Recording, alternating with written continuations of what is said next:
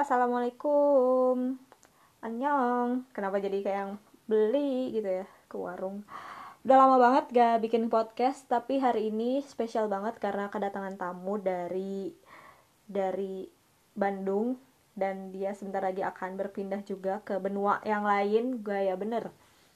Ya tapi beneran, eh, jadi ini temen aku, temen SMP aku yang hilang entah ke mana kita lost contact padahal kita dulu satu kelas satu genggong gitu kan. Tapi akhirnya dipertemukan lagi Oktober kemarin Oktober tahun lalu di tempat les IELTS dan ya alhamdulillah sekarang mendapat kabar gembira kalau doi tak mau berangkat ke negara di salah satu negara di Eropa dan mau melanjutkan sekolah lagi di sana ya jadi siapakah dia? Mau ke mana? Gimana ceritanya? Bisa ke sampai ke sana? Dan seterus-terusnya bakal kita lanjut di segmen berikutnya. Stay tune!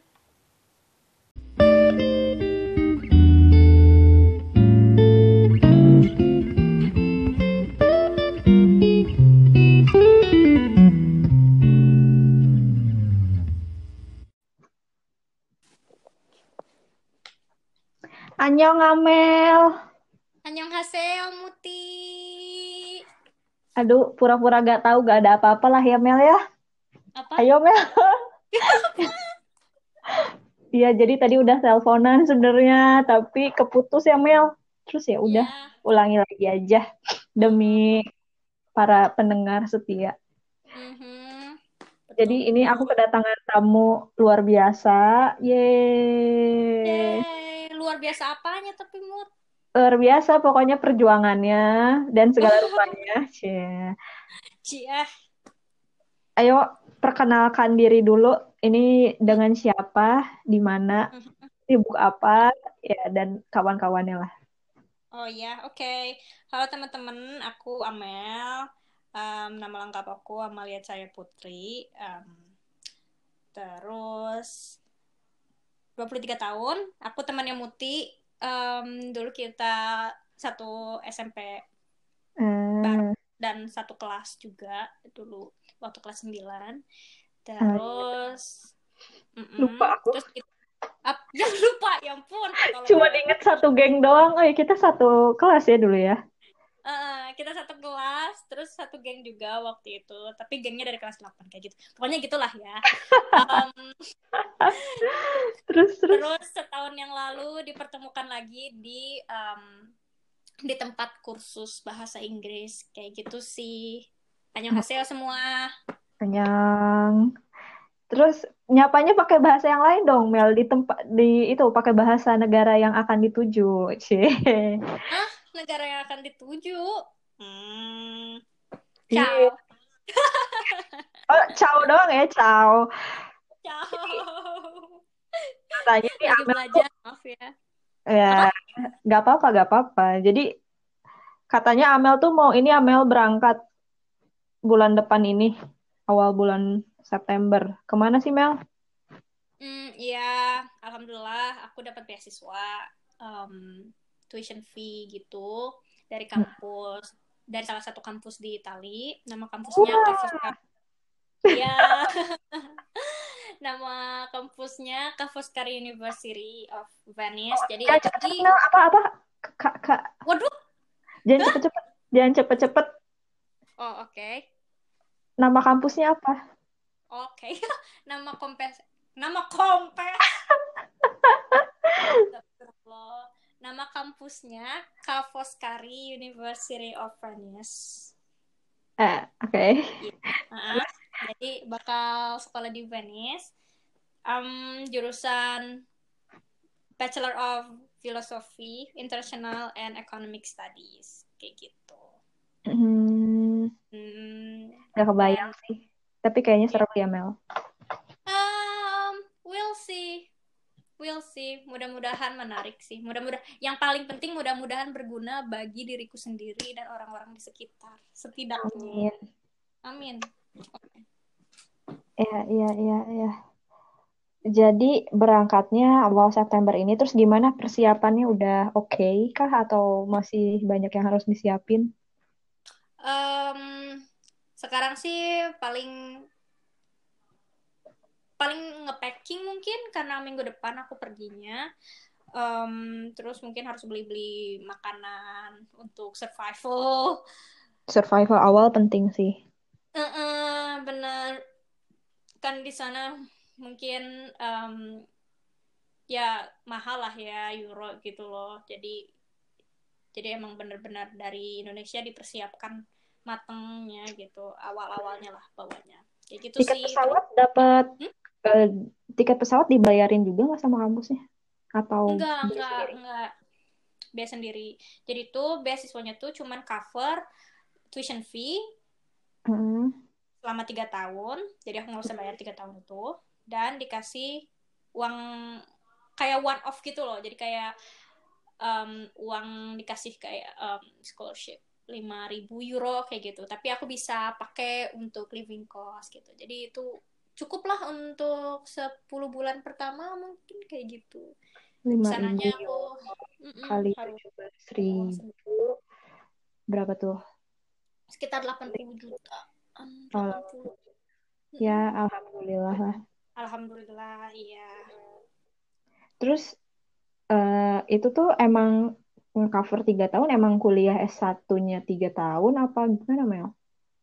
Um, iya emang kuliah S1-nya tiga tahun betul. Semua S1 di Italia itu emang tiga tahun berarti? Um, rata-rata tiga tahun, kecuali kayak kedokteran kayak gitu. Terus kadang-kadang engineering juga lebih lama kayak empat tahun kayak gitu. Hmm. Gitu-gitu sih. Nah, Amel ini sebenarnya kan kita seangkatan nih, sekelas hmm. kan ya dulu. Dulu mm-hmm. Amel sempat ini juga kan ya sekolah, kalau nggak salah di mana Mel? Di Australia bukan sih? Mm-hmm. Iya betul. Dulu di Australia itu gimana ceritanya? Kenapa sekarang ngambilnya S1 gitu?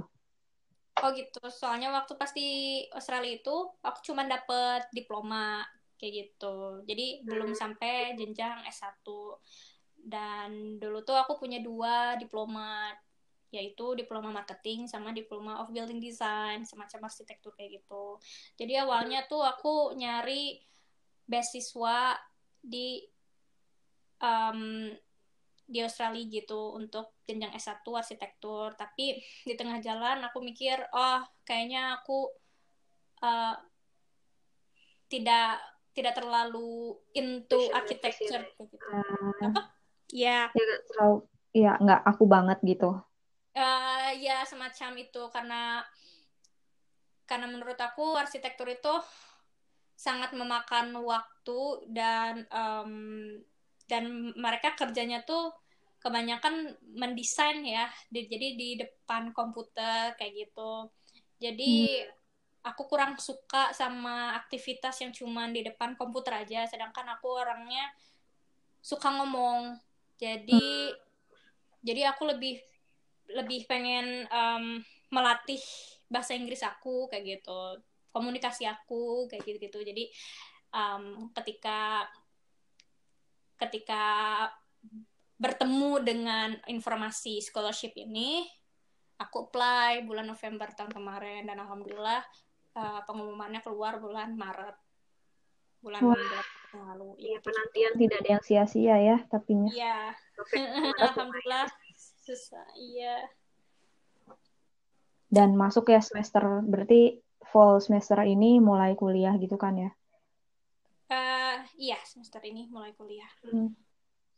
Terus waktu di Australia itu kan kita dipertemukan lagi di kursus les bahasa Inggris kan ya Mel di tempat gak kursus sih itu kayak drilling drilling latihan buat IELTS gitu kan kita mm-hmm. intensif gitu intensif IELTS di salah satu tempat les di kota Bandung lah pokoknya mm-hmm. ada gitu terus nah kan udah tiga tahun setengah nih Mel di Australia nah kenapa mesti les IELTS lagi gitu ya karena setelah aku coba belajar IELTS gitu walaupun walaupun sebenarnya aku punya pengalaman di Australia ya karena aku di sana waktu itu juga kerja sama sekolah juga um, mm.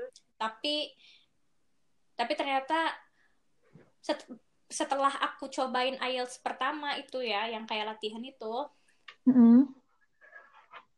nilai aku jeblok banget gitu kayak ah kenapa gitu dan dari situ aku baru nge kalau misalkan si IELTS ini punya tips and trick gitu. Kayak mereka punya trik-trik sendiri biar nilai kita tuh bagus gitu. Jadi siapa pun itu siapa pun um, yang punya level Ing- Inggrisnya misalkan dari yang biasa dari yang jago dari yang mungkin sudah berapa lama di negara luar itu nggak nggak pernah bisa bikin Gak dia menjamin ya. uh, tidak menjamin bahkan um, bakal si nilai IELTS-nya bagus gitu karena mereka punya cara sendiri gitu yang harus kita pelajari dan harus kita perhatikan lah ya Hmm. ya begitu Dan ada kayak apa namanya scoringnya beda nggak sih Mel sama kok kan kalau di Indonesia sering dengarnya TOEFL gitu kan.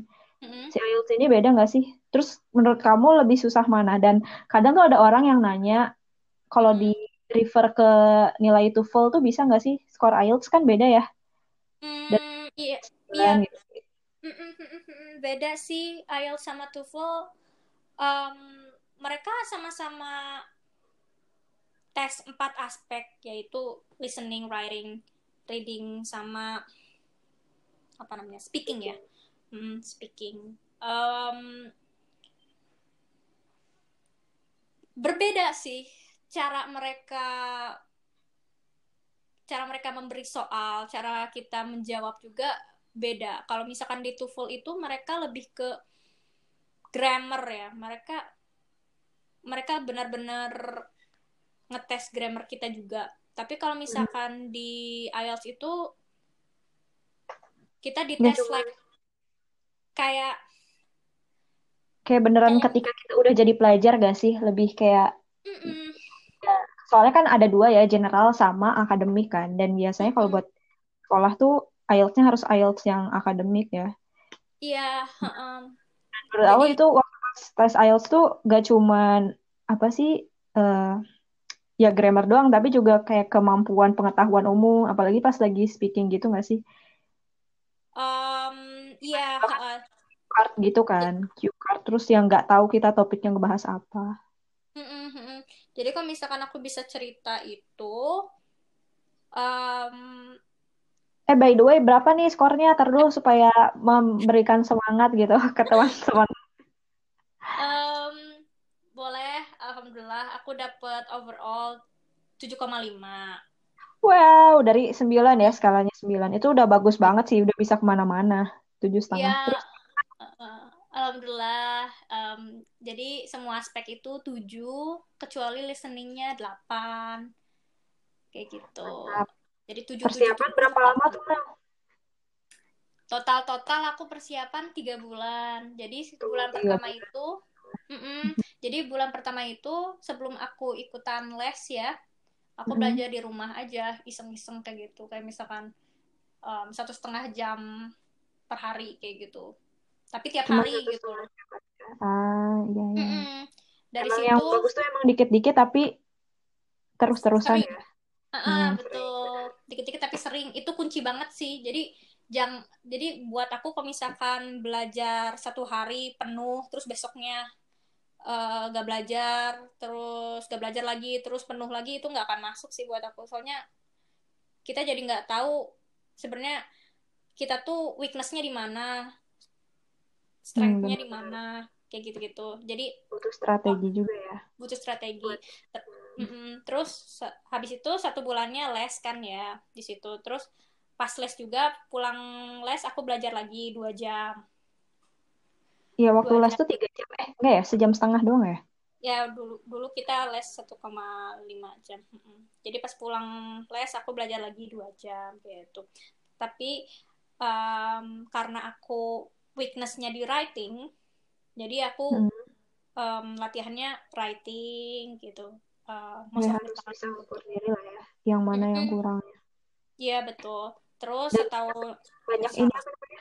Tempat-tempat buat ngecek nilainya gitu. Kalau misalnya teman-teman yang ngedengerin mau belajar sendiri, kan kalau kita writing bisa minta check-in gitu ya ke guru tapi kalau misalnya belajar sendiri itu bisa nggak sih ada tempatnya buat ngecek gitu Hmm, bisa sih, bisa sih. Cuman em, dulu sih aku ikut ini eh, mood Facebook group ah ya namanya aja mm, namanya mock study group. Jadi untuk kalian yang mau em, coba ikutan grup bisa dicek di Facebook namanya MOOC MOOC study group IELTS. Ah, bukan MOCK berarti ya bukan mocking tapi Bukan. M O Ah, ya. O C. Nah, di situ Ah.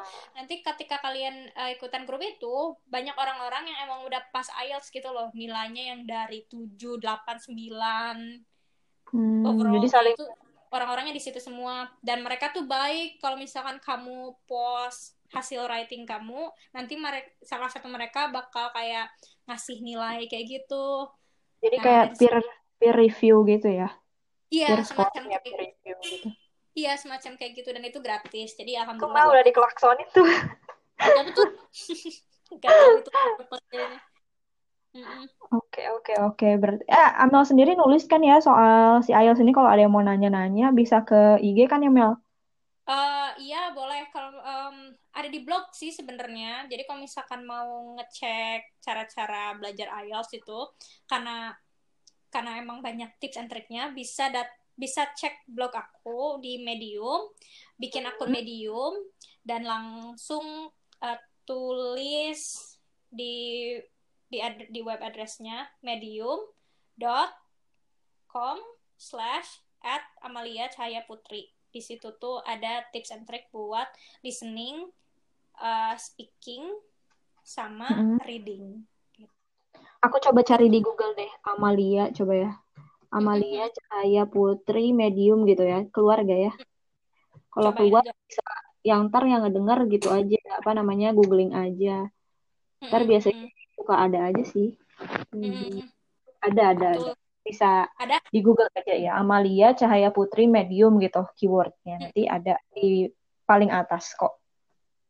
Di situ lumayan Sama di kalau mau lihat-lihat nanti ya kehidupan Amel setelah di Italia, Mel bisa dicek IG-nya at at apa Mel?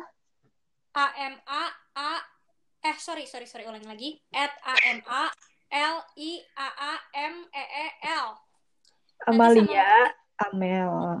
Mm-mm, Eh, ya nanti sama Muti di ditulis kali ya di di judul podcast ini Oh iya, podcast bersama at Amalia Ame eh enggak enggak Amalia Amel gitu ya. ya gitulah pakai apa Ada namanya matogi aduh, kayak gitu sih Mm-mm. ya udah kayaknya ada lagi nggak Mel mau disampaikan nih sebelum terputus lagi nanti kita ya sedang asik-asik ngobrol cerita. Duh jadi lupa Mm-mm. juga tadi udah ngebahas apa aja ya. Ya tapi semoga sukses di sananya. amin amin ya robbal alamin semoga Muti juga ya Iya, doain aku bisa nyusul lah ya Mel ke Itali. iya pasti doain tenang aja nanti aku kasih apa namanya ajak kamu jalan-jalan ya Eh, Nggak ngasih sekalian tiket terbangnya Mel. Tiket terbang. Ntar dikirimin sayap bidadari sama Amel. gitu aku akan memberikan doa yang banyak untuk Muti Eh, doain aku juga lancar di sini ya Mel. Oh ini udah amin ya robbal sesi berdoa Hmm? ya. Udah kayak ya pokoknya semangat terus ya. Pokoknya kalau misalnya buat beasiswa-beasiswa gitu tau, Mel, tuh Mhm, hampir lupa kan. Bisa, mhm. bisa dicari aja ya nggak sih Mel? Kamu pun dapat beasiswa ini karena surfing di dunia maya ya Mel.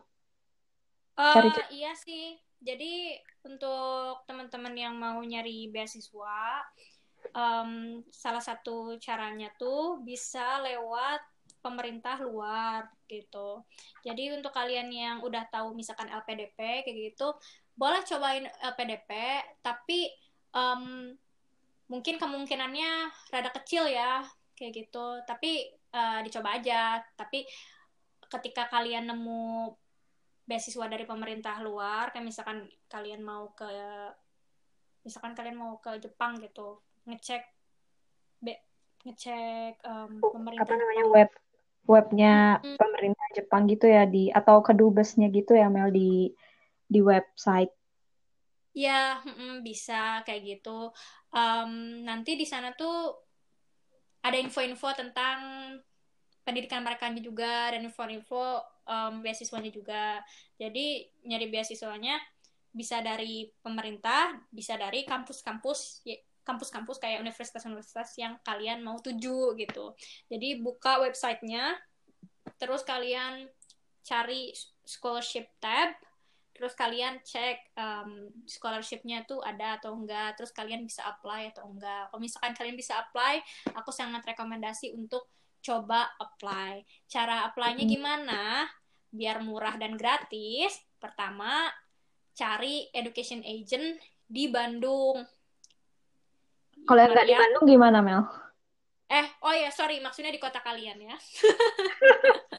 aduh Bandung sentris banget anaknya tuh terus terus Iya, di kota kalian. Terus uh, minta tolong ke mereka untuk submit aplikasi kalian kayak gitu. Biasanya itu gratis, gak dipungut biaya.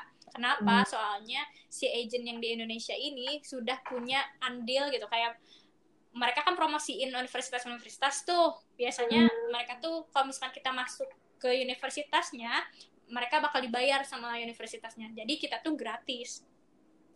Jadi Eh, maksudnya kita ya maksudnya kita nggak mesti bayar buat eh, minta tolong apply ke kampus-kampus gitu kan ya Mel ya Iya, enggak gitu. Mm-mm. Jarang banget yang minta ini Hmm, apa banyak namanya? banyak kok ya di di Bandung kayak Edlink terus ada AUG ada mm-mm. I- eh, IDP ya nggak sih IDP yang Oh, Dago itu eh, iya, IDP sekarang di Naripan, mereka juga gratis Hmm. servisnya kayak gitu. AUG banyak di baik di Bandung ya. Hmm, orang alhamdulillah banyak. Itu mah bener-bener harus em, surfing di dunia maya, ngecek-ngecek kayak gitu. Daripada scroll IG kan. Ah kilo-kilometer itu cuma cari mendingan si beasiswa kayak gitu ya. Mm-mm, kalau emang bener mau ya emang harus ya awalnya sih emang itu ya niat dulu mau. Kalau emang beneran mau pasti ada jalan gitu. Dan ya udah iya. usaha aja entah itu via nanya-nanya ke orang-orang cari ke misalnya IG-IG PPI juga ya sekarang banyak Mm-mm. banget PPI tiap negara mungkin hampir ada IG-nya gitu semuanya bisa cek juga kalau nggak salah ada IG PPI dunia di situ bisa kalian follow juga orang-orang yang penerima scholarshipnya pasti ada aja gitu kan dan Mm-mm, mm-mm. kita bisa bisa nanya-nanya tanya ke mereka. Hmm. Mm-mm. Itu sangat berguna banget sih. Kita punya kontak mereka dan rata-rata juga mereka baik kok. Um, welcome gitu yang ya ya yang sopan aja lah pokoknya gitu. iya Pasti bisa asal kok tahu semua orang bisa. Iya Asal dan ada banyak kemauan dan uh, niat. ya jadi ya gitulah semua itu diawali dengan niat ya Mel Insya Allah Iya, dari awal niat insya Allah doa um, izin orang tua juga jadi nggak ada yang nggak mungkin betul. Nothing is imp- uh, nothing is impossible. Yep.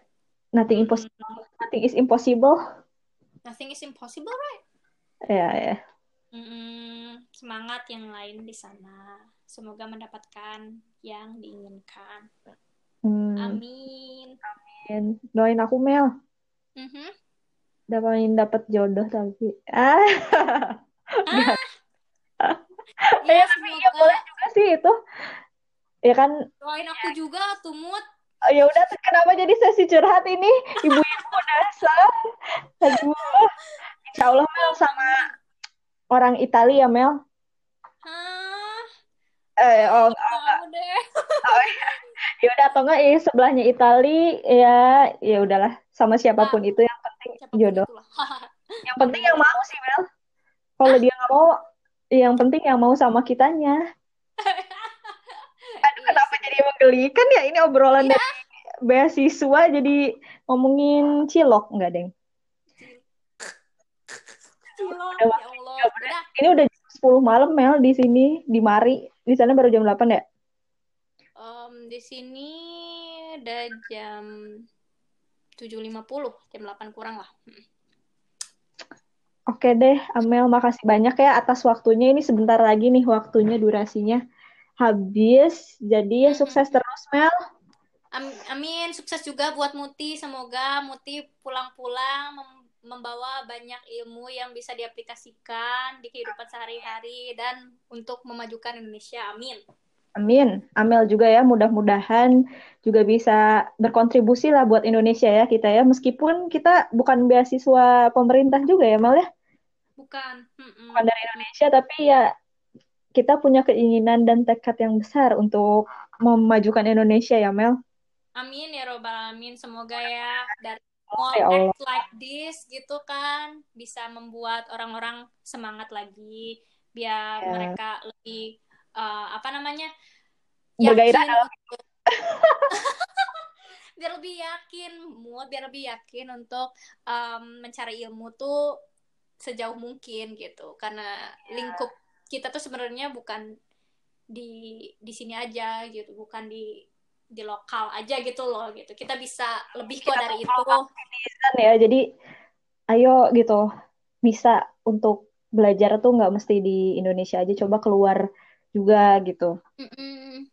Bisa belajar dari se dari internet juga sebenarnya bisa aja sih menjangkau tapi kalau bisa datang ke negaranya langsung pasti lebih menyenangkan ya Mel. Iya keuntungannya banyak juga bisa ngelihat culture orang lain ya. Terus uh, bisa berpikiran terbuka nggak judgmental tuh kan. Aduh udah biasa aja bu biasa aja bu. ya, emang tapi yang judgmental itu biasanya emang kurang piknik Mel. Kalau menurut itu, aku. itu makanya kudu kudu piknik makannya ya, makanya kudu traveling. Kudu traveling ya. Eh, tra ya traveling. Benar benar benar. Nggak keluar juga nggak apa-apa nggak keluar juga nggak apa-apa ke seluruh Indonesia gitu traveling pokoknya cari cari um, lingkungan baru lah apa namanya biar hmm. bisa membuka pikirannya ke ke kebudayaan lain ke kebiasaan kebiasaan lain dan uh, ngebuka pikiran juga bahwa nggak semua orang tuh sama kayak kamu gitu dan lebih torela uh, lebih toleransi belajar bener. toleransi uh, uh, Ya. Belajar banget sih aku di sini mah soalnya kan di sini kebalik ya aku jadi minoritas gitu nggak kayak di Indonesia mayoritas mm -mm. ya kita bisa ngobrol lagi ya nanti ya soal jadi minoritas c kalau itu banget itu banget tapi sebenarnya aku udah punya pengalaman minoritas jadi peng, apa minoritas juga waktu di Australia kan ya Mel Mm, udah. Tapi orang Indonesia Australia lumayan banyak juga sebenarnya. Uh, uh, makanya kita kayaknya harus bikin podcast lagi nanti untuk membicarakan hal ini ya. Iya, di Italia mah benar-benar minoritas kali ya, jarang masih jarang orang Indonesia di sana. Iya benar, hmm, hmm, hmm. bakal seru banget sih. Nanti kita ngobrol lagi ya Mut. Yuk, makasih Amel. Okay. Annyeonghi Assalamualaikum. Kamsahamnida. Annyeonghi Ya, Muti. Dadah semuanya. Terima kasih telah mendengarkan. Yeah. Waalaikumsalam. Jadi itu dia tadi temen aku Amalia Amel bisa di add ya tadi atau di add dicari di follow tuh IG-nya biar tahu kehidupan nanti dia di Itali kayak gimana sih Venice tuh kayak apa sih pasti kan kayak kebayang-kebayang ya kalau inget Itali tuh aku suka ingetnya itu loh coklatos Mama Mia Lezatos terus inget uh, iklan kopi yang Nadine numero uno gitu. Ya itulah aku kebanyakan nonton iklan daripada nonton konten yang sebenarnya disiarinnya apa. Tapi ya semoga dengan podcast yang barusan kalian dengar bisa bermanfaat. Ntar juga aku cantumin mediumnya Amel tapi aku tadi udah coba cari juga kan di Google itu gampang banget. Amalia Cahaya Putri medium. Ntar ada paling atas dia cerita soal persiapan IELTS tips and trick karena ya itu tadi uh, walaupun dia udah lama di Australia tetap aja buat IELTS itu harus dipersiapkan. Bukan berarti IELTS itu susah banget tapi emang ada tips and triknya yang kalau kalian pelajari itu pasti bisa. Dan nggak menutup kemungkinan uh, buat bisa dapat juga skor setinggi Amel ini ya. Dan padahal sebenarnya kalau aku nggak salah tapi tadi nggak sempat kebahas kalau di Italia itu sebenarnya nggak butuh IELTS yang tinggi tinggi banget gitu. Tapi alhamdulillah karena kalau nggak salah karena IELTS-nya tinggi juga sih jadi dapat uh, beasiswanya lumayan. Tapi ya intinya silahkan dicari. Untuk yang IELTS itu juga kalau mau nanya-nanya ke Amel dia sangat open asal ya tahu uh, sopan santun juga sih kalau mau nanya-nanya. Oke deh gitu aja. Semoga di segmen berikutnya eh di segmen berikutnya di episode berikutnya aku bisa ngedatengin seseorang lagi yang spesial. Jadi biar makin belajar berkelana banget gitu kan. Oke okay. annyeong annyeong ya guys ya bayo